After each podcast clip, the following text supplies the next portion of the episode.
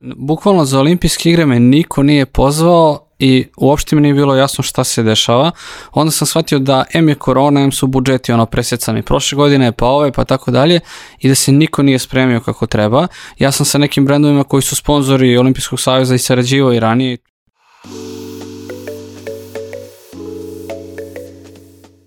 Dobar dan i dobrodošli u novu epizodu Netokracije Office Talks podcasta ili što bi neki rekli ovaj, kancelarijskih priča da ovaj, se držimo srpskog rečnika.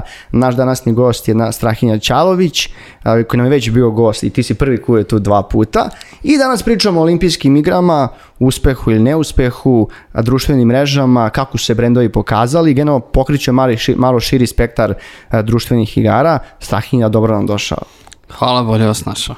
E, znaš ti tu, ti si prvenstveno, moram kažem, najpopularniji sportski bloger, e, zašto smo tebe zvali, a neko, kažem, sportskog novinara. Mhm. Ja sam juče malo radio istraživanje i ti na tvojoj stranici imam 163.000 followera. Dok sport klub, Mozart Sport RTS er i Olimpijski komitet Srbije nemaju toliko zajedno. I on se gleda i manje stranice popularne sportske. Bukvalno kad mi sve sportske stranice na društvenim mrežama saberemo, imaju manje pratilaca od tebe. Pa, e, u principu da, ali na to treba dodati još 190.000 ljudi na fejsu. Eto što sam ja, Ja, sam, ja sam skoro ovaj, uveo Facebook poređenje, odnosno mečovanje koliko ljudi vas prati na jednoj i na drugoj mreži i preklapanje samo 40.000, tako da je tu zapravo preko 300.000 ljudi jedinstvenih korisnika, tako da ne hvalim se, ali što se brojki tiče, da, tako je trenutno. Ne znam, mislim kao da smo sad, da smo u Americi i da imaš one sportske novinare, kao one insajdere, pa ti bi ono jako, jako lepo živio, da kažem, na nekom stranom tržištu. dobro, ne žalim se ni ovako. Mislim da vremenom su i brendovi, a pričat ćemo o tome danas, ovaj, to prepoznali, tako da je bilo interesantno sad iz Evropskog prvenstva, nešto manje za olimpijske igre. I e, pričat ćemo baš o tim, o sportskim i olimpijskim igrama i o futbalu, malo poslije o narednom svjetskom prvenstvu nekako, o tom generalno utisku koliko se kao olimpijada prati. Super, to su mi omiljene teme. Da. Hajde da krenemo negdje od početka. Naša selekcija, reprezentacija, kažem ili tim olimpijskih igara je osvojila čak devet medalja. A, moramo, to su naše najuspešnije olimpijske igre, mada je bilo manje sportista. Kako bi ti prokomentarisao za tebe? Su od tebe uspešne ili neuspešne olimpijske igre bile? U principu jako uspešne mislim da to moramo da istaknemo, moramo da budemo realni. utisak je opšti bio da smo u nekim trenucima, ajde ovaj da kažemo, manuli. Pre svega se misli na Đokovića i na basketaše koji su bili glavni favoriti. Po onim projekcijama, generalno pre olimpijskih igara, trebalo da uzmemo tri zlata, Đoković, basketaši i Jovana Preković u karateu. E, nažalost samo je ona uzela od, od e, njih tri, da tako kažem, i, ovaj, i zato je taj utisak koji preovlađuje da nismo, da smo mogli još, a stvarno smo mogli još i bilo je, čini mi se, šest četvrtih mesta, što je isto onako kao mogli smo bareš, bareš neku bronzu da imamo, tako da kažem, ali generalno jako je uspješno, mislim, brojevi se gledaju na kraju, na kraju se poređaju svi po medaljama, naši brojevi su bolji nego ikada i ne možemo da ne budemo zadovoljni. Pa da, ja se slažem sa tobom znaš kako, bude ti nekad stvarno žao tih sportista koji su bili četvrti, a meni kao zbog Đokovića nema šta da mu se zameri, Jel, stvar, ali stvarno je bilo zamerke na društvenim mrežama i što je stvarno neshvatljivo i kako je on razočarao tu devojku, kako ovo, kako ono. 20 titula čovjeka igrao, evo, tri, mislim, 3-4 puta mečeva više nego svi ove sezone. Da, pa to je, mislim, ta tema je dosta podijelila javnost i konkretno kad pričamo o pratiocima na mojim kanalima, tu su se isto dosta podelili, preovladali su oni koji podržavaju Đokovića, bilo je onih koji su mu zamjerili. mislim da mi ipak ne poznajemo prilike dovoljno da bismo mogli objektivno to da komentarišemo. I mislim da konkretno to njegovo odustajanje u dublu ovaj, sigurno imao više dobrih razloga za tako nešto. To, to sam siguran i po objavi koju je Nina posle postavila na mreže, mislim da je to potpuno jasno. Pa da, ja se slažem sa tom, ja ovaj, ne vidim to kao neuspjeh, mislim da je više to lično njegov, mislim da on to, mislim, više on tam sebe to preuzeo da njemu bilo teško nego što treba da mu zameramo. Od tih eh, nekih mesta po meni, meni penalno niko nije podbacio, očekio sam samo da ti basketaši uzmu zlato, voleo bi.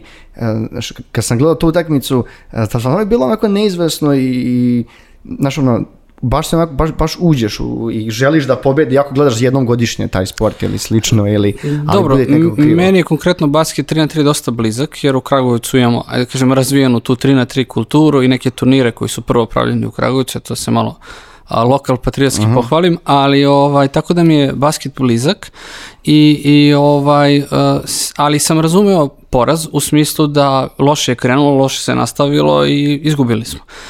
Đokovićev poraz nisam mogao da shvatim jer je dobro krenuo i onda se nešto desilo, da li je to povreda ili šta već, ovaj, vjerojatno nećemo nikad saznati ili u nekim memoarima za 10-15 godina, ali ovaj, to me je više bolilo zato što je krenulo dobro. Opet kažem, poraz basketaša mi je bio logičan, to je bio loš dan ili loše prepodne, a ovo je bilo nešto E, možda je van Đokovića kad uh mhm. -huh. dođemo kod ovih dela a, tog toksično, se društvenim mrežama, jer ovo što se dešava u njegovom slučaju zaista da je neko prvi, a da toliko, kažem, hejta ima na svojoj strani, to mislim da ne, ni u jednom sportu bi nije bilo zapamćeno.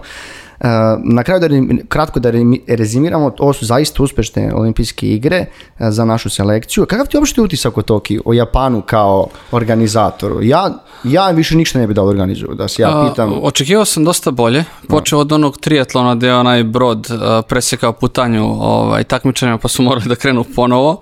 samo sam razmišljao da se desilo kod nas, bilo bi ovo samo kod nas može da se desi i tako te priče. što se tiče samih olimpijskih igara, pričat ćemo poslije o marketingu pa čisto da napravim neki mini mhm. uvod. Dugo se nije znalo da li će uopšte biti održane i ove godine. Uh, ja sam imao neki plan da sa vašim komšijom kolegom Minićem idem na olimpijske igre, ali kad smo saznali šta je sve potrebno da se ode, uh, blagovremeno smo odustali, da tako kažem. Ovaj, I ono što smo samo znali, recimo mjesec dana pred olimpijske igre, da će ih svakako biti, iako su počeli protesti u Japanu i tako dalje, tako da ovdje hoću malo samo unapred da odbranim brendove, mhm. jer niko nije sa sigurnošću mogao da zna šta će da se desi. To je osnovni problem. E sad što se organizacije tiče, nije mi se dopalo. Očekivao sam dosta bolje, očekivao sam, ovaj, ne znam ko je pričao skoro, da li bivši teniski selektor Obradović da, ne znam da su bili na olimpijskim igrama, da li 2012. ili 16. Ovaj, da su sportisti tipa Novicki i Tony Parker morali da pitaju nekoga iz komiteta da li mogu da se slikaju sa Đokovićem. A vidjeli smo kako je ove godine bila situacija. Mislim, on je bukvalno bio, svi su mu prilazili i tako dalje.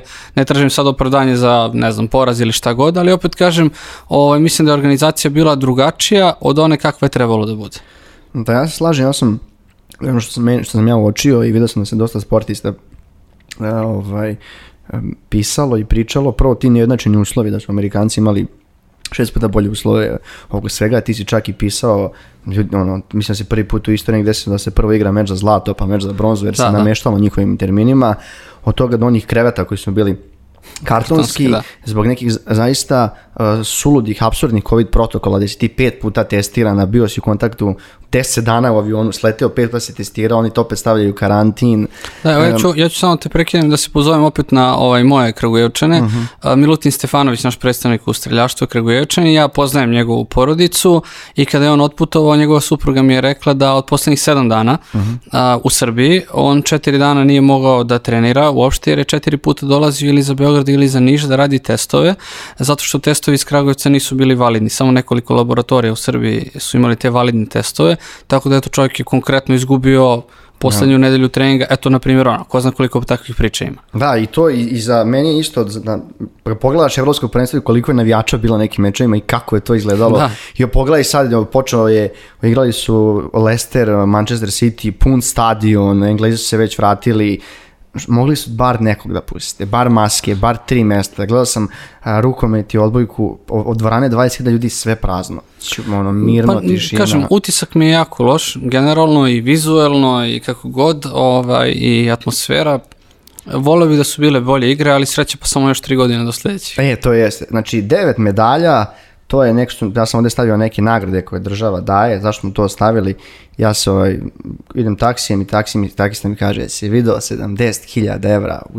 Milica, znaš ti koliko je to para? Pa ja rekao, znaš to iskreno nisu neke pare za nekog koji je ceo život trenirao, koji generalno, znaš ono, karijera ti je kratka, ti nema stalne prihode, marketing potencijal svih drugih sportova znamo ja i ti osim futbala i košarke je skoro nepostojeći i, i onda, onda su posle onda se to mogu se vidjeti društvenim mrežama kako mi plaćamo više zlata nego Amerikanci mi ne plaćamo to ni približno blizu kad ti na kraju Amerika. vrednost koliko se uloži u taj neku, to neko dete i koliko, ono Srbija ima problem što mi tek kada neko uspe, mi hoćemo da ga nagradimo. Da, nagradimo. Tako je, pa ljudi tu ne shvataju prvo mnogo važnije od tih nagrada su nacionalne penzije koje oni dobiju, čini mi se, posle, 40, posle 35. ili 40. Mhm, 40 godine. Da. Ovaj, gde se to rangira, da li su olimpijske igre, da li je svetsko prvenstvo. To su tri prosječne plate. E, da, to je za zlato na olimpijskim igrama. Na, na evropskom prvenstvu mislim da su dve, na svetskom isto tako nešto dve, nisam siguran šta sve ulazi, ali mislim da je to mnogo vrednije i mnogo bitnije, pre svega za te ljude, ono što ljudi kod nas ne shvataju šta je rizik, da neko, ne znam, ko se bavi tekvondom ili tako nekim totalno sportom koji nije marketinški isplativ, ako nisi ono olimpijski šampion i tako dalje, a jedan je, šampion, da. ovaj, a, ljudi ne shvataju koji je rizik da vi 10-15 godina trenirate, da vi recimo završite karijeru u 31-2 godine, vi ni, ništa drugo niste radili. Da, e, Vrlo je te, teže je završiti fakultet ako vam je to bio cilj, znači nemate neko iskustvo, a koliko ljudi sa 32-34 godine sada već imaju iskustvo. A to je raznim... problem, ljudi vide samo rezultat, ne vidi šta stoji iza toga. Da, da, da. Kako, pa da. motivac, kako sam ovo rekao. Pa jesi rekao, ali tako, ali, ta, ali, ta, ali, ta, ali tako jeste, da. Ali jeste tako, zaista. I onda ljudi gledaju samo to, onda mediji to dalje pumpaju i pričaju o tome, ne znam, kao eto, Bosna je, ne znam, 2300 evra imala za zlato, što je opet iz smešno jer mislim da nije realno da, da to bude nagrada za olimpijsko zlato, ali opet kažem s druge strane ovaj, treba gledati širu sliku. Pa A tim sportistima stvarno nije lako. Mislim. Pa dobro, je naša južna pokrena dala oko 100.000, što je zaista za naše vlasti dole, moram priznati, da, da. pare da. Mislim, to je to, mislim, pričam, pričamo generalno o tome, meni to lično nisu neke nagrade, jer znam koliko ti sportisti radi i koliko su, ono, koliko je teško da ti država išta stipendira za bilo šta. Tako je. I koliko je uopšte teško uspeti u nekom sportu. Znaš sam razmišljao isto kad, pošto mi od, pričamo o uspehu i neuspehu, mi očekujemo da će ovi da, kao vidio sam da su judisti, možda neki podbacili, neki revači i kao, eh, ono, došli kao favoriti. Kad smo zadnji put gledali judisti i, ili... Pa meni je bilo smešno, kažem, gledamo ono, borbu za zlato uh-huh. u tekvondo u karateu i prati cijela nacija, a voditelj objašnjava pravila. Da, ja sam znao neke sportove pravila, pošto generalno dosta sam u sportu i pratim sport ceo život i volim sve i borlačke veštine i sad i UFC pogotovo pratim i sve te moguće borlačke sportove i ja i ovde kolege smo gledali ono gledaju ono kad je bio ovaj Zurab on pokušava da shvati kako su ovo poeni šta je tačno to da, i onda kad pogledaš ti e, to po meni, ja bi lično stavio zamerku RTS-u koje mi svi plaćamo iz našeg džepa, hteli to ili ne hteli, većina nas ne želi, ali mora da se plaća. E, Nijedan od tih sportova se ne prenosi. Ja ne znam kad je bio, kaže, evo, ajde gledamo svetsko prvenstvo u judu ili svetsko prvenstvo u tekvondu, u rvanju ili čemu god, da gledamo. Kad su mi imali da gledamo streljaštvo, nekom bilo kom sportu, ovaj, nekom bilo kom kanalu, pa nekom drugom takmičenju? Pa nikada. Ono što je mene konkretno to isto iziritiralo, što recimo, ne znam sad, neko naš se bori za zlato ili za bronzu, Zurab konkretno, ovaj, zašto mi ne bismo gledali dva, tri meča pre toga? Nego čekamo baš da počne njegov meč da mi u tom meču sad sve vidimo. Zašto, zašto ne bi išla dva, tri meča pre toga? E, to je isto neko polufinale, finale, borba za medalju, hajde da se upoznamo malo, možda interesantnije, možda još jača kategorija, mislim u smislu kilaže i tako dalje, možda još interesantnije za gledanje. Tako da kažem, to je, to je recimo mene iziritiralo. Kao, možemo da imamo samo fragment, ono, Jovana se bije tamo na, na onom karate podijumu, E, i četiri, ne znam, pet pro, e, pobjednika, pet e, pobjede zabeleži, mi smo gledali tih pet mečeva i nijedan više pre, nijedan posle. Da, slažem s tom. Ja mislim da nisam nikad video od naših sportista, pa Đokovića, ono što sam vidio kod te devojke, koliko je bila u zoni. da. Znaš ono kad kao sportisti, ja pokušam da se fokusiram, da budem, ona ne da je bila u zoni, nego ne postoji ništa drugo. Ja sam baš napisao da je osica, jer ta, takav utisak sam imao, da ona zuji tamo po terenu, ono, vibrira i da ne može niko ništa da ju uradi. Da, nisam nikog vidio onakav pogled, ono, kad smo je vidjeli, mi smo znali ovako to, nema ne, šanse da izgubi. Ne, fantastična, ona je čak i po kladionicama bila prvi favorit pre... Da, Sošit pre... se stavio da će ona da Da, je Sošit je stavio, tako da, ovaj, drago mi je što se to desilo, ona je čak bila sam uverena, ona je pre rekla idem da uzmem ono što mi pripada, jer je svjetski svetski prvak bila pre toga. Tako da kažem, baš mi je drago i stvarno je nevjerojatan fokus. Ono. Volio bi da imam mm. bar za nešto takav fokus. Isto, znaš. Ne mogu gledam više film, ne mogu gledam na ono telefon, cek, cek, cek.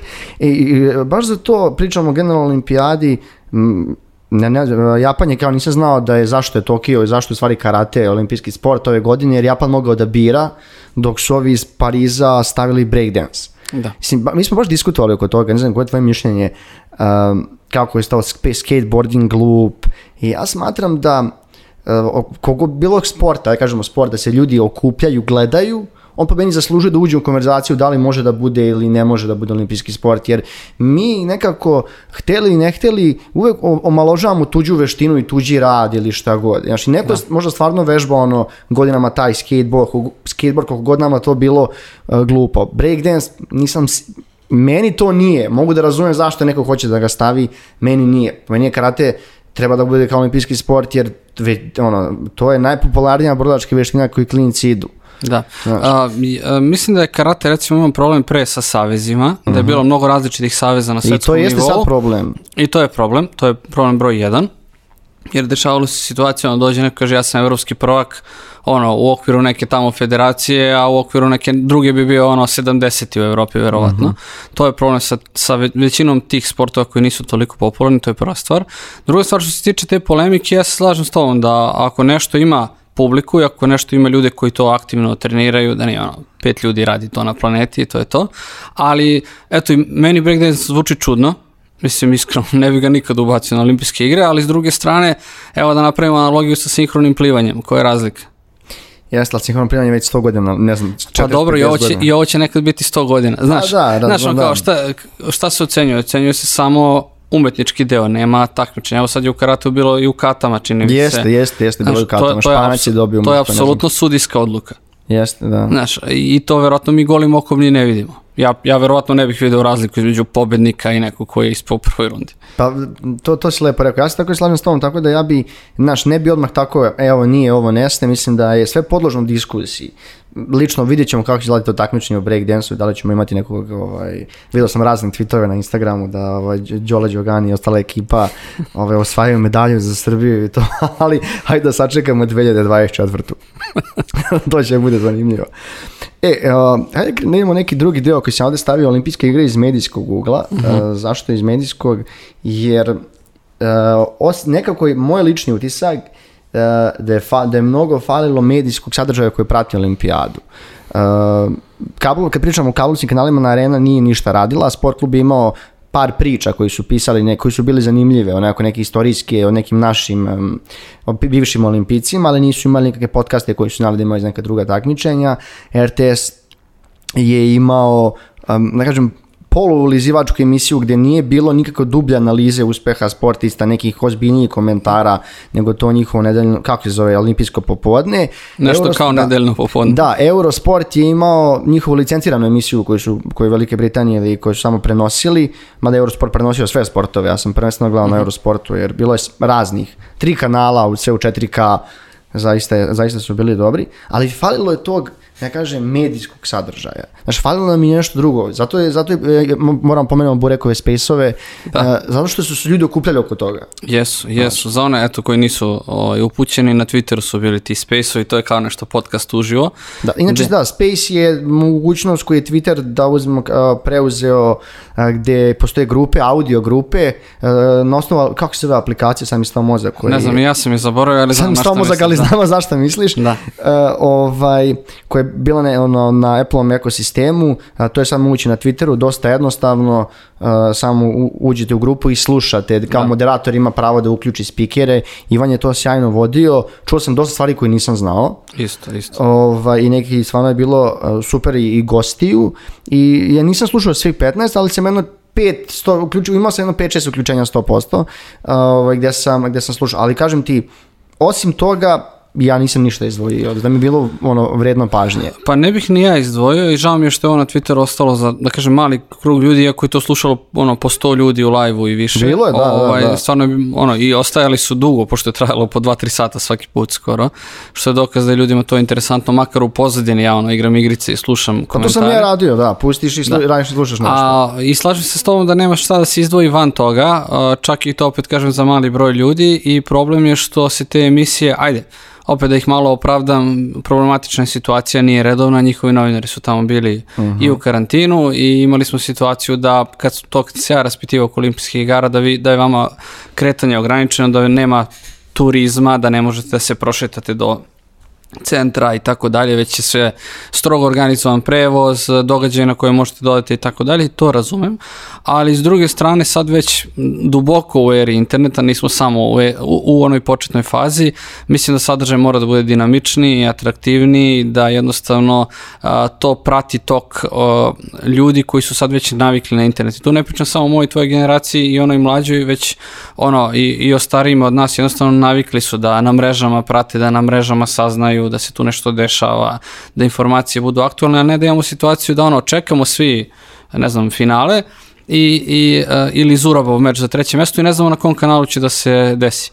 Da li će na RTS 1 ili na RTS 2 i onda prebacujemo 100 puta ili u isto vreme, ne znam, ovaj, dok je bio Waterpolo i Jovana su bili čini mi su isto vreme. I vi nemate čak ni Kajron ono, na kojem će pisati evo očekujemo uključenje i tako dalje. bio problem.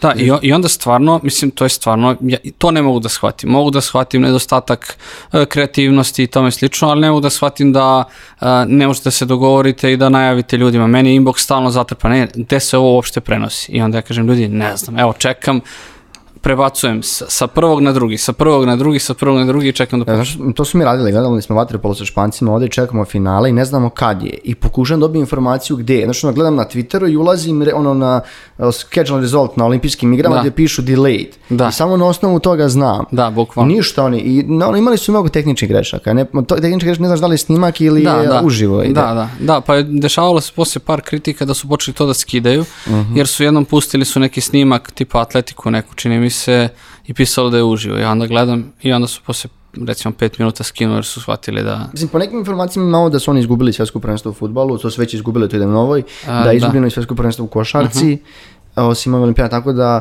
ovaj, znaš, bit će zanimljivo prati šta će RTS da prenosi naredni godina. Možda tek olimpijade, jer mnogo to teže mnogo izgubiti da, da, da, kao, kao nacionalna televizija, da. Da, nego ovaj, neki, drugi, neki drugi sportovi. Kakav je bio doseg na društvenim mrežama? Ako pričaš o postovima, engagementu ljudi, jer si bio aktivan i na storiju i na, da, ja sam, društvenim mrežama. Ja sam, ajde da kažem, na svojim kanalima se trudio da budem baš aktivan, zato sam i more pomerio ovaj, zbog evropskog prvenstva, iako ono, sam željen odmora koji svi nakon svega, ovaj, zbog evropskog prvenstva i olimpijskih igara i trudio sam se da u što realnijem vremenu, tako kažem, to prenesem ljudima.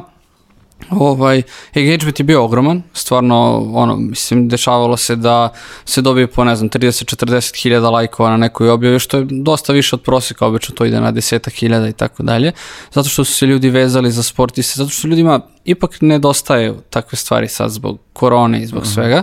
Tako da kažem, ono, engagement je bio veliki, interesovanje ljudi je bilo veliko, ali opet onako malo i stihisko. Mhm. Ono, to nas zanima danas i već sutra nas više ne zanima. Ono, nemamo vremena čak ni za šampione, a kamoli za one što su, što su izgubili, ali kažem, mislim da je nacija onako bila prikovana, da kažem, uz televizore i da je sport jedna od redkih stvari koju dalje ima smisla gledati na televiziji, jer se dešava uživo. Tako da kažem, eto, taj osjećaj pripadnosti, a nismo bili, eto, nažalost, ni na Evropskom prvenstvu u futbolu. Ovaj, mislim da je to malo pojačalo efekte i ove borbe za medalje i ono Đokovićevo odlučivanje da će doći na olimpijske igre, mislim da je on dosta digao hype tim. Mislim, on je bio igara. Ne, ubedljivo. On je Durant. ja sam pravio čak i neke ankete, jedini odgovor koji sam dobio kao ko bi mogao da parira Đoković je bio Kevin Durant, ovaj, ali sad kad uporedimo kako su prošle olimpijske igre, iako je Kevin osvojio i bio najbolji, mislim, realno, realno je najbolji košarkaš i realno je bio ubedljivo najbolji, ovaj, mislim da je ipak Đoković bio onako više u fokusu, što pozitivno, što negativno i ono što mi se dopalo što su ljudi ono, ustanovili jeste da svo ovo slikanje sa drugim sportistima da ga oni jure, vitlaju tamo po selu da ga nađu i da se slikaju s njim je najbolji mogući PR koji je mogao da dobije. I, I onda je baš neko napisao kao ok, kakav problem onda imaju na Wimbledonu sa Đokovićem kada ovaj, ga jure najbolji svetski sportisti da se slikaju s njim po ceo dan. Tako, e. tako da kažem, mislim da je taj PR deo bitan i dobar i drago mi je da se desio. Iako se ono, medalja nije desila. Jeste, ovaj, e, ja, se, ja se slažem tu sa tobom. E, mislim da je e, Čisto da rezimira ovaj deo oko se igara iz medijskog ugla, je i zvaničnim podacima RTS je stvarno bio najgledaniji, skoro od, 19 od, u tim terminima od 20 programa 19 najgledanijih je bilo na RTS-u, uh mhm. -huh. mada opet to je zato što je RTS jedini prenosio olimpijske igre, da budemo iskreni da ih je. da, da ih je bilo ko drugi prenosio, imali bi sličnu, sličnu gledanost, to je jedan od najvećih sportskih događaja, ovdje sam stavio na kraju, nisam siguran da je na najveći s medijske i sa marketing perspektive. Prego što krećemo marketing kampanje brendova, ovdje sam stavio taj tokničnost i mentalno zdravlje, koje ćemo kratko da pređemo, pomenjeno što je eh, dve neke situacije, ovo za Đokovića, to je uh, takve stvari koje se dešavaju oko njega, voleli ga ili ne voleli, šta god on radio privatno, on je apsolutno najbolji iz tenisa svih vremena i vjerojatno naš, za Srbi, za naš najbolji sportista to nema šta se diskutuje. On pa deset mesta prazno, pa opet on. A ovaj, jer nikad neću imati takvog šampiona, individualnim sportima, ne da. pričamo o timskim. I ono što je taj nivo hejta i lažne informacije od Lekipa, pa Morgana koji je napisao da Đoković e, ono kraj baby jer on izgleda nije gledao svoje klipove kako odlazi, odlazi iz studija ako mu kažu nešto. Da. Izgleda se da, da li su ljudi jednostavno valjda toplo leto pa im se svašta dešava kad pišu te tweetove ta, ta, ta količina loših komentara nekog ko je broj jedan sportista, to je nevjerovatno. Da, meni to jako smeta. smeta mi prvo što mislim da mi na nacionalnom nivou nemamo dobar marketing i da nas to muči i da zbog toga, ajde, u mhm. nekim drugim temama i van sporta ispadamo grbavi, što bi rekao narod. To je nešto što mi se ne dopada i to se činjenica dešava i sa Đokovićem. nisam a, pristalica onoga da je ceo svet protiv nas, ali jesam pristalica toga da mnogi imaju mnogo toga protiv nas, ovaj, da im smeta, pre svega iz ugla PR-a, mislim, pođemo od hollywoodskih filmova i tako dalje, u Jugoslaviji se pojavljuje samo ono, yes. Vukodlaku, X-Filesu i ne znam, kriminalci i tako dalje. I to je nešto, mislim, to stvara sliku, popularna kultura mnogo utiče i mislim da je to problem i sa Đokovićem kom se ono uh, sve meri, svaki potez i tako dalje. Ovaj, I žao mi je što je tako. E, opet kažem, onaj, ono slikanje najbolji mogući PR koji je mogu da dobije, ali s druge strane uh, mislim da Đoković definitivno smeta što je e, definitivno sada najbolji svih vremena. Mislim, to je, to, to, je činjenica i činjenica je da uh, Englezi eto, imaju te neke neostvarene snove koje pokušavaju prvo kroz Marija koji kad gubi nije njihov, kad pobeđuje onda je njihov i tako dalje i ono što su ga, da kažem, aj opet narodski namestili sad da je on komentarisao u malu Simon Biles ili Simon Biles kako, kako se, već, kako se već pravilno izgovara, ovaj, da je on e, komentarisao kako ovaj, ona ne sme da ne, ja, da ne izdrži pritisak. pritisak dobra stvar za njega, ne za nju. Da, i to je rekao pre. Privilegija, privilegija. to je, to je rekao mnogo pre, čini mi se olimpijskih igara, onda su oni to namontirali da je on rekao njenim povodom, odnosno povodom njenog odustajanja i eto, mislim, ta mašinerija definitivno radi protiv njega, sreće pa on na terenu to Ivan ja, može ja, da izdrži. Ja nju ne bih komentarisao jer to meni čud, uh, samo zamisli da su LeBron James i Xander odbili da igraju neku finalnu tekmicu zbog e, mentalnog pritiska. Da, da. Ja ne mogu da zamislim šta bi se desilo. Takođe. Znači, ja apsolutno smatram da je mentalno zdravlje veoma bitno, kao kad porediš ruku, ali samo ako se stavimo u situaciju eh, da je da Lebron to uradio ili Cristiano ili Messi, u svašta je bilo. Pa, znači, mislim, to bi bio presedan. Da, znači. To bi baš bio presedan i o tome bi se pričalo, ono, mislim, na kraju krajeva Messi prozivaju kad izgubi finale. Mislim, dođe do finala svetskog prvenstva, izgubi i on je kao loser. Znaš, Najveći tako svih da... vremena, jako ja više volim Ronaldo, uvijek sam uzimao, uzimao svoj tim Cristiano, ali to ti je čovjek kao što, ne znam, neko ima dar za pevanje, njemu su dali lop, ono, čovjek da. ima naj, ono, nije. Najbolji na svijetu. Najtalentovaniji svih vremena, to definitivno. Da, da, ja sam jučer čak gledao direktno konferenciju ono, z Barcelone. Ja nisam gledao direktno, gledao sam ono, slike. Jeste, jeste. Pa to je, to je, to je recimo dobar primjer uh, uh, lošeg vođenja kluba i tih marketinških aktivnosti i tako dalje. Katastrofa kluba. De, su oni došli u situaciju da Messi, mnogi to ne znaju, ne može da igra ni za džabe. Mhm. Znači, oni su, oni bukvalno ne mogu da potpisuju igrače, a njemu isteka ugovor, pa ne može da potpišu. samo njega, ne mogu još da potpišu ne, ne, ne mogu, ne mogu nikoga, ne mogu nijednog igrača. Sad mi da hoćemo besplatno da igramo za Barcelonu i da nas pozovu nekim čudom nakon ovog podcasta, ne bismo mogli, ne bismo mogli zato što ne mogu više nikoga da registruju dok ne srede financije. Tako da kažem, eto, to je baš ono dobar primer dokle može dođe jedan veliki klub ako se ne ono. I e, o, druga, e, druga treba. drugi deo samo zove mhm. mentalno zdravlje. Vaterpolisti ulaze u, u finale.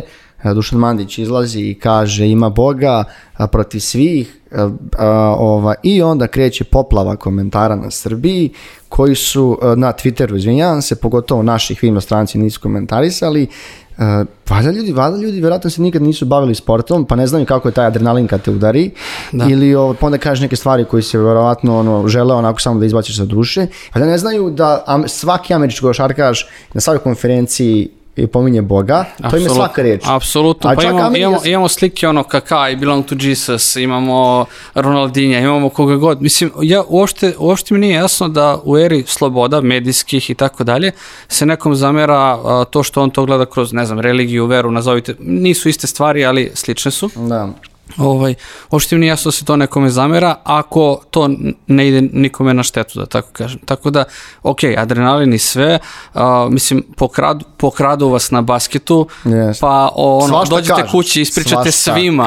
da. da. da, a ne u polufinalu uh, olimpijskih igara gde oni se opraštaju ja, od se kad je Miličić ono, svašta rekao sudi, to je bilo kao vidi ga kralj, niko ništa. Da. A ovog razapešća i čak su naši komentari da. neki Da, meni, meni nije jasno uopšte zašto bi postao bilo kakav negativan komentar na to, opet kažem, to su njegova lična uverenja, tu je kao što si rekao adrenalin i tu je situacija u kojoj si ti jednostavno ne možeš da budeš objektivan dok se biješ s nekim u bazenu, mislim, šta god da radiš, ne, ja možeš biti objektivan, ono, jednostavno ti smatraš da je odluka ovakva, ne.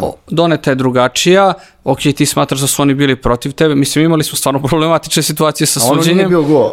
Ma ne, ne, ona, ba ne, ona je psihološki udarac samo takav da. bio to i posle smo u finalu imali ono sa 3-1 da dođemo na 2-2, mislim. Da. E, meni, meni to samo zasmetalo jer taj, taj nivo, e, da je to neki neko Amerikanac uradio, nikakav, niko nikšta ne bi da, komentarisao, čak ni naši ljudi ne bi komentarisali, znaš, ne razumem ne znam, ne znam takvu, takvu vrstu komentara zbog zaista ništa posebno nije rečeno. I, onda, ja što kad čitaš, ja, ja čak nisam ni uhvatio u početku da je to krenulo. Onda svi živi komentarišu. I svi kao, ok, i onda imaš negativne komentare i ljudi kao, šta je tačno rekao? Ja sam možda ponovo da poslušam. Meni ništa, ništa Ništa negativno. Znači, mislim da je ono, taj nivo negativnosti na društvenim mrežama eskalira u jest, koroni i nestaje. Jeste, jeste, ja, ja to mogu da potvrdim kao, ajde kažem, pošto vodim da, više velikih naloga na... Više, da. da, više velikih stranica generalno, imam pristup tome šta ljudi pišu, ljudi su mnogo nervozni i ljudi su baš na ivici, ono, na granici su nekog e, e, sukoba, verbalno svakako, a inače ovako, baš su nervozni, zna da bude baš neprijatno, ja to razumem, ovaj, ono, dešava se da ljudi ono, ispadnu iz, iz koloseka zato što, ne znam, ja napišem da Messi napušta Barcelonu, oni mi kažu da laže. Mislim, Znaš, jednostavno, njih je povela emocija i oni su ljuti zbog svega, zbog situacije i tako dalje i onda meni pišu gluposti. Tako da kažem, da, to je eskaliralo i mislim da se, da se ljudi još više okrenuli ovom digitalnom svetu, još više se okrenuli tim svojim digitalnim ličnostima, ako tako mogu da mhm. kažem, odnosno onim što prezent, kako sebe prezentuju i sav fokus su bacili na to, na to, a kao što znamo u digitalnom svetu može budeš šta god, može budeš i najjači, najlepši, najbolji, najpametniji, to se podrazumeva i onda mislim da situacija eskalirala, nadam se, ne znam kako će to da se reši. E, iskreno to me brine kao ono mentalno zdravlje ljudi generalno e, dok će to ići. E, problem je što, što su i Facebook i Twitter i oni su svi gledaju negdje sa strane i dopuštaju da se njihovim mrežama, bili, imali smo takve ovaj, epizode smo komentarisali baš o tome to zaista, to je ozbiljan društveni problem. I sad, ne, mislim, ne mogu baš platforme da stoje sa strane i da ne rade ništa. Ali prvo što ne mogu da isfiltriraju te male ljude, njih, znaš, ne mogu kad Donald Trump piše nešto, cak, da. ali ne mogu da isfiltriraju te male ljude. Pa vidio pa, si šta je bilo kad su oni Sakajem i Klinicom mašali penale. Da, da. Mislim, otišlo. da, mislim da će vremeno morati da, da nađu način da to regulišu. Mislim da, da posebno na TikToku, po, što je mlađa publika, to je gora situacija. To, je najgora društvena mreža što se tiče toksičnosti. Ja sam rekao jedino tamo, ja čitam sve komentare koje ja mi ljudi pošalju, poruke ne jer ne mogu da stignem, ali manje više sve komentare jer me zanima šta ljudi misle o, sadržaju koji kreiram, samo na TikToku ne čitam. Da, bolje, bolje, ne, ne, ne, ne, kao nema smisla, besmisleno je. E, da se ovaj bitan segment marketing kampanje brendova, mhm. ja sam negdje zvanični sponsor našeg tima su bili negdje DDR, e, Eko, Pumpe, OTP i, ja, zašto kažem, zašto se kažem, krećemo sa našim timovima, ja sam pratio naloge tih uh, zvanični, kažem, sponzora. To je bilo samo neko, čestitam našem takmičaru. Da, to je bilo super ste, mi smo sponzori yes. čestitamo, je tako izgledalo. Da, na globalu smo da ono Toyota eh, otkazala reklame jer su se Japanci bunili. da, to su bili Coca-Cola, Visa, Toyota, Toyota čak 3 milijarde dala. nisu tražili pare, ali su samo su pomerili, otkazali reklame da. ovaj, da se Japanci nimi bunili. Zašto pričam o ovom? Ja sam uveđen da E, ovo nije dodatno, jako loše iskoričen marketing što ovo olimpijske igre. Jeste, evo da ću ti opet kažem na ličnom primjeru, odnosno preko tih e, sportskih blogova i tako dalje. E, ja sam imao situaciju tokom Evropskog prvenstva, pošto je bilo neposredno pre olimpijskih igara, da, da brendovi nisu ništa isplanirali, i kako se odvije Evropsko prvenstvo, tako me zovu jedni, drugi, treći, e, jel možemo da napravimo reklamu za ovo, e, jel možemo za ovo, e, počelo Evropsko, sad da li su to, ne znam, grickalice ili nešto treće, nije ni bitno, ali baš je bilo ono u posljednji čas, da sam rekao čoveče, da li je moguće da niko nije ništa planirao za evropsko prvenstvo, a naslanjaju se brendovi na to sport, čudno. futbol. E, onda je došla još čudnija situacija, za olimpijske igre mi se niko nije javio. Ja sam te bukvalno da pitam, e, zbog veličine tvog naloga i ljudi koji, koliko te brendova koji nagdiralo za neku kampanju da se uradi, ne samo tebe, ne budeš u sklopu cijele kampanje. Ne, e, bukvalno za olimpijske igre me niko nije pozvao, i uopšte mi nije bilo jasno šta se dešava. Onda sam shvatio da M je korona, M su budžeti ono presjecani prošle godine, pa ove, pa tako dalje i da se niko nije spremio kako treba. Ja sam sa nekim brendovima koji su sponzori Olimpijskog saveza i sarađivao i ranije i vjerojatno ću i u buduće, ali niko ništa nije čini mi se spremio za olimpijske igre i sve one reklame na televiziji koje su bile kao, ajde da kažem, najskuplje, to su bile neke klasične reklame, ono, reklame. motivacija, inspiracija sportista se sprema, mislim na kraju krajeva imali ste Mandića mhm. koji je ono na kraju postao zvezda celog našeg olimpijskog tima i zasluženo i tako dalje. Ova, imali smo reklamu s njim koja je meni prilično nezapažena, ne znam šta radi, znam nešto trenira i ono zapamtio sam kao prvi korak je najteži. I to je to. To je to. I imalo, imao si par nekih postova od vize sa Milicom. Koji su krenuli kad je ona osvojila to čini yes. I, I par tih OTP-a. Um, dobro, moram da pohvalim Olimpijski komitet, na, mislim da to radio Jovan Dečko koji je radio Simić. Da, da, da, oni su odlično. Da, da, uh, oni su odlično. Odlično. A, znači, što se tiče Olimpijskog komiteta, ja sam ih pratio i na Twitteru, i, na Instagramu, i na svim, dobro, na Facebooku baš i nisam, ali na svim mrežama koje aktivno koristim za informisanje i o ovaj, e, sjajno su radili sve je bilo tačno, precizno, pravovremeno, e, stvarno ste mogli da se informišete o svemu sve vreme. Da, što tiče olimpijskih igara, e, na primjer, ono što sam ja primetio, kad je, bilo, kad je bio sad euro, čak su i, veliki dostave hrane imali sa restoranima te promocije, euro da. ponuda, kombo 1, kombo 2, za olimpijske igre ništa nije bilo. Ništa. Amerikanci kažu da li to zbog tih termina, su bile naj, eh, na, čak i 19-20% mi pala gledanost olimpijskih igara i najmanji broj ljudi je bio na otvaranju, ali to možemo da pripišemo da je isto velika razlika u zoni. jer, znaš kako su američki sportisti, olimpijske igre pa ništa drugo. Da, znači da. olimpijske igre, one ne mora ništa drugo da se bavi, ali olimpijske, pa da, zato što su njima nacionalne nacionalna prvenstva, svetska prvenstva, ono, u bejsbolu i onda ih pobede Japanci ih je već. Ja, ja, e, ja sam sad slušao kako oni to, baš naš jedan podcast što mi slušamo, Andrew Schulz, uh mhm. -huh. oni komentarišu svake gluposti, šta god čuje komičar stand-up i šta god oni čuje, oni komentarišu. I sad kao, znaš, njih četvorica, petorica, Marko je pričao, ide njih dvojicom, ide krupan kadar, ali, ali imaju par kamera kad priča sa cijelim studijom i svi učestvuju. Mhm. I to nacima dođe. I sad pričaju zašto su oni, kako su oni svetski šampioni. Kaže, e, zato što oni pobede sve svjetsko šampione, šampionat u košarci ili olimpijadu i njihovi igrači su najbolji. I to daje njima legitimitet da oni NBA bude svjetski prvak. Da, i onda u petorci NBA imaš tri, tri Evropljena. Da. da. ali nema veze, ali to njima daje legitimitet da su oni svjetski šampioni. Rekao, mislim ne ide tako, ali nek, nek vam bude. Hele, ovaj, pričao si Euro, uh, na društvenim mrežama opet jaci informacije prvenstveno bio futbalski blog, mada mislim da, nije, sad se dosta onako, imaš miks da, da, da, e, Jel imaš oči da je bila veća praćenost olimpijskih e, futbala? E, ne, ne zbog televizije, zato što je to bilo na, na novoj, odnosno na, na SBB-ovoj mreži i ja sam imao masu komentara ljudi da nisu pogledali ni jedan meč, da su ljuti na nacionalnu televiziju i da neće namjerno pogledati nijedan meč, posebno što mi ne učestvujemo. Tako da iz tog ugla to je bila ogromna prepreka i mislim da je to dosta oborilo gledanost. Hype je bio veliki, to nema šta, mislim. E, ono... Ja imam će ovako, da kad je krenulo, bio je mali hype. Aha. Kako je išlo, bilo je sve gore i gore. I sve sam više i više gledao. I sad me više i više zanimao ono kao, kako ovo evropsko prvenstvo? Bilo, je, bilo je ludo, mislim, bilo je zabavno, bile su sjajne utakmice i stvarno je prvenstvo kao prvenstvo je bilo zabavnije od većine prethodnih, da tako Mislim da je bilo naj, e, najviše gola po meču je Pa da, pa ona samo na meč kad su dve utakmice bile 3-3 u, u regularnom toku, mislim to je, to je dovoljno, to se nikad nije desilo na velikim takmičenjima, bar ne poslednjih ono, 50 godina. Tako da kažem, sam, sam, sama zabava na prvenstvu je doprinela toj većoj gledanosti i ljudi su bili onako, naši su, ono, kao što su ljudi protiv nas, tako smo mi bili protiv Engleza, pa je dosta njih i, u tome videlo neku satisfakciju, pa i ja, mislim, bilo mi je zabavno da, ja da. navijam za Italijane na kraju, ovaj, iako to inače nije slučaj, tako da kažem, to je doprinelo, ali mislim da je, ne znam sad tačne podatke o gledanosti, ali eh, veliki broj ljudi nije mogao da gleda i veliki broj ljudi je baš bio indisponiran zbog toga.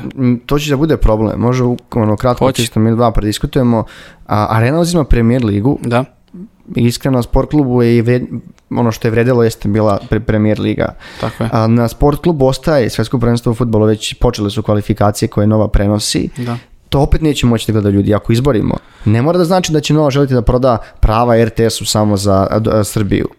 Da, pa... I zbog tog kažem ovo rata između njih mi apsolutno ispaštamo između rata operatera da kažem. Pa znaš šta, ja ću svakako imati oba operatera. Mhm. To je to je rješenje, ja trenutno imam SBB i kad sam video ovo za Premier ligu ja sam rekao ok, ja moram da imam. Da mi nemamo tu mogućnost da uzmeš jedan i drugi, ne postoji mogućnost da SBB ja da da uzmem arenu. Da, da, i ja ja ću sigurno naći neki način, to sam obećao sebi ako ništa drugo makar preko aplikacijama da ono televizor je televizor.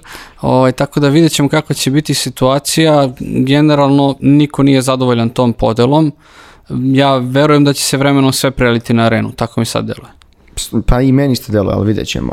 Na kraju, za najveći sportski događaj još jedno samo kratak osvrt na euro sam stavio i ono što je bilo e, zanimljivo u ovom europskom prvenstvu, mhm. imali smo globalne digitalne sponzore. Znači prije su bio Booking, TikTok, e, da li e, TikTok, i još neko je sve plaće, ne znam koji je bio. I dosta je kineskih sponzora bilo i jako je europsko prvenstvo bilo. Da li to je, dolazi tog shifta konačno u Mislim da da, konkretno ja sam o, jedan od sponzora europskog prvenstva bio Vivo uh Pa sam ja posle s njima imao saradnju i, i, to. je, i to je nekako, kako da kažem, uh, kada je neko sponzor Evrop tako velikog takmičenja, mhm. uh, to vam je neki dokaz o tome koliko oni ozbiljno tome pristupaju i mislim da je to, kako si ti sam rekao, ta promjena ka, ka, ka tim digitalnim stvarima je dobra i meni se to jako dopada. Mislim, ja, ja očekujem da Spotify bude vrlo brzo sponsor nekog da, oni su da, žele da, da pa Da ne, pa što da ne, mislim oni, ja koliko znam, oni imaju veće marže nego proizvođači, uh, odnosno oni koji imaju proizvode, te digitalne usluge imaju veću maržu, tako da Može što da ne. Može se skalira, nema fizičkog tako proizvoda, je, tako je. To, su neke sad... I sviđa mi se to, mislim, kao neko ko voli sve to, meni se to dopada. I e, možda dva pitanja za kraj. Prvo može bude, e, koji je po tebi najveći sportski događaj na svijetu? Da li je to svjetsko prvenstvo futbol ili olimpijada? nažalost, kako da kažem, nažalost, mislim da je to mundijal ipak. Ja mislim da je to ovaj. ubedljivo mislim da to ipak mundijal i mislim da on čak i financijski donosi najviše organizatoru i svima ostalima i tako dalje i nadam se će tako ostati, nadam se da sad ova promjena iduće godine neće doprinijeti tome da mundijal opadne po popularnosti ili šta već.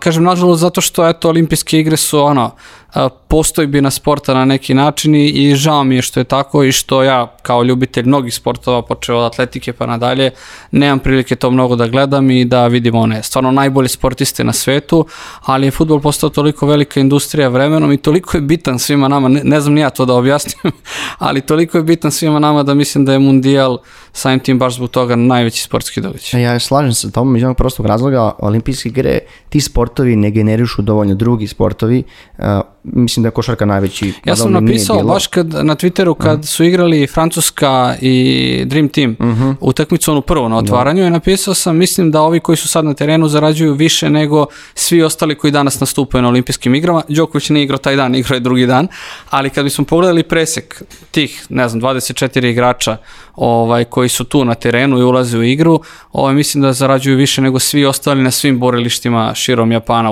u, tom danu. Ja, mislim to je problem koji ima i ženski sport što se tiče plate i gledanosti, da. problem je što ja razumem i, i apsolutno žalađem da bude IQP, ali to u sport nažalost nije moguće zbog gledanosti para. Svi znamo kako, kako TV funkcioniše, što više ljudi gleda, veće su pare, više sponzora i slično. Problem je što muškarci prate ženski sport. Žene u slavno vreme ne prate sport. Nebitno da. li je muški ili ženski. Da, to jeste veliki problem. Uh, ja sam za to da se to što više izjednači, ali mora da postoji neka tržišna vrednost. Tržišna vrednost, da, upravo to. Ovaj, zato teniserke zarađuju toliko koliko zarađuju, zato što postoji tržišna postoji. vrednost u njihovom sportu, počeo od samih događaja do TV prava i tako dalje. Pa, Opreme koje se isto daje mnogo para na Pa tako i krenemo da. samo od vaterpola koji mi svi obožavamo i koji nam je praktično nacionalni sport, iako nemamo more. Ovaj, nemamo ni bazene, hli, da, ne, pričamo o drugom. da. Ali opet s druge strane, marketbilnost eh, ovaj, vaterpolo je nikakva, mislim, nemate šta kupite, možeš kupiti kupaći gaće i kapicu, to ono, da, e, da, da, mašta da će biti waterpolo. Možda, uh, ono, da ne možemo da učimo o sportskom marketingu su NBA i Formula 1. Absolutno. To su neverovatne pare i šta oni rade sad? Oni su toliko digli ono, Draft to Survive, da su digli su u Americi gledanost za ono 50% koji da, je čak i žene sve više gledaju Formula 1, to sam primetio u svom neposrednom okruženju da drugare nos devojkama kao igraju fantasy Formula 1. I na kraju, da imaš neko da izvojiš ovih, od ovih medalja koje ti najdraža koji smo osvojili? Meni su ah. vaterpolisti, ne, ne, nema šta, to nisu. Da. Oni vaterpolisti i Milica, nekako mi je svaki put drago da, da sve. Ovako, Milica, ajde da pomenemo, to postala prva ovaj, naša sportistkinja koja je dva, puta postala olimpijski šampion. Ja sam čekao da mnogo više medalja, ali nisu bila sve zlata. Da, da, da. da. Ovaj, ali kažem, to iz tog ugla, Jovana opet je bila fantastična i dominantna. Ovaj, ali vaterpolisti, s obzirom da je to kraj jedne generacije. Ajde kažem generacije koja je vjerojatno najbolja svih vremena u tom sportu. Uh, iskreno, mnogo mi je draža bila pobjeda u polufinalu nego u finalu. To, to je bilo nešto, ne mogu da opišem. Tako da... Nisi bio ovdje u kancelariji, mi smo gledali. Ja ne znam da li sam nikad gledali neki sport, smo toliko skakali. Sam povredio nogu i stajali smo. Mi smo, ja sam, mi toliko skakali, ja sam ja opet bio povredio nogu. Samo dok smo gledali. Jer nismo očekivali da će ja da se desiti. Ja sam vrištao po kući, deci nije bilo jasno šta da, se, šta se dešava. da. I stvarno, tako da to zlato mi je najdraže, opet ih je više. Da Plus kažem. su ja Španci ne mogu, u nijednom sportu. Da, Tako da, kad Španci, to je plus kom god sportu. Kogod da pobedi Španci, Kogod da pobedi Španci. Evo naš kameran klima glavom isto, slaže se sa nama. Uh, Strahinja, hvala ti puno. Uh, hvala što si bio po drugi put naš gost. Uh, nama je svaki put zadovoljstvo da pričamo s tobom da li u ovakvom formatu ili u tekstualnom. Uh, nastavi da ovaj, radiš stvari koje radiš i pratimo te na tvojim, na društvenim mrežama. Hoću, hvala, pa vidimo se tamo za mundijal iduće godine. A vama, dragi gledalci, hvala što ste nas slušali i gledali i zapratite naš podcast na svim platformama kao što Spotify, Deezer, Apple Podcast, Podcast i mnoge druge, a na, na youtube se preplati ako već niste. Pozdrav svima!